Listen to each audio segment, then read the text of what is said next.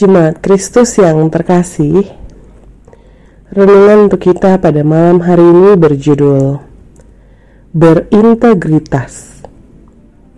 Dan bacaan firman Tuhan diambil dari kitab Lukas pasal 12 ayatnya yang pertama sampai dengan yang kelima. Beginilah firman Tuhan. Sementara itu, beribu-ribu orang banyak telah berkerumun, sehingga mereka berdesak-desakan. Lalu Yesus mulai mengajar, pertama-tama kepada murid-muridnya.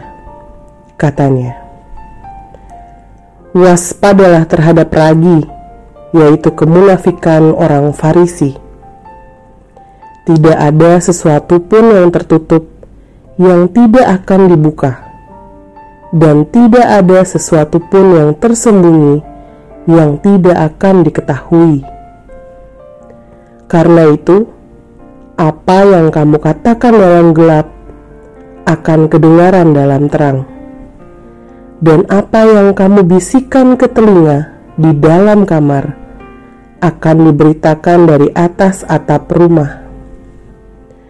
Aku berkata kepadamu, hai sahabat-sahabatku janganlah kamu takut terhadap mereka yang dapat membunuh tubuh dan kemudian tidak dapat berbuat apa-apa lagi. Aku akan menunjukkan kepada kamu siapakah yang harus kamu takuti. Takutilah dia yang setelah membunuh mempunyai kuasa untuk melemparkan orang ke dalam neraka.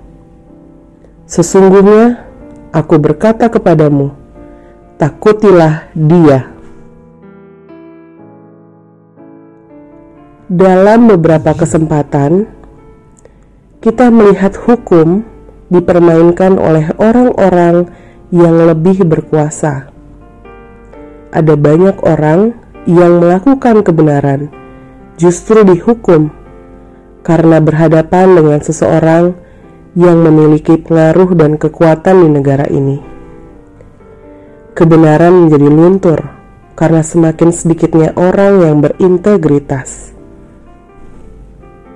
Kristus juga mendapatkan tekanan dari para pemimpin agama zaman itu. Mereka merasa bahwa Kristus adalah ancaman, sehingga mereka terus mengamati dan mengawasi Kristus dengan tujuan menemukan kesalahannya, lalu dapat menghukumnya. Itulah konteks mengapa sampai Kristus mengatakan kita tidak perlu takut dengan pihak yang dapat membunuh tubuh. Sebab mereka hanya dapat melakukan sebatas itu saja, tanpa dampak lain selain kematian. Oleh karena itu, Kristus mengingatkan kepada banyak orang agar lebih takut kepada Allah yang tak hanya mampu membunuh tubuh, tetapi dapat membinasakan yang jahat, sekaligus dapat memberikan kehidupan kepada orang-orang benar.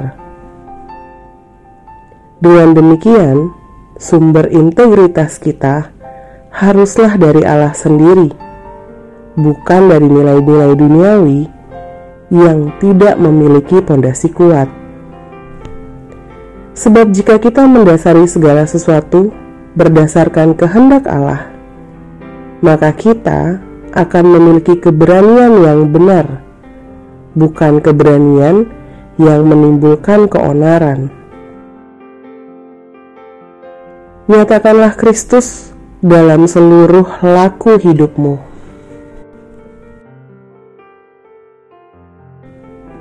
Demikianlah renungan pada malam hari ini. Semoga damai sejahtera dari Tuhan Yesus Kristus tetap memenuhi hati dan pikiran kita. Amin. Jemaat yang terkasih, mari kita bersatu hati menaikkan pokok-pokok doa yang ada dalam gerakan doa 21 GKI Sarua Indah. Mari kita berdoa.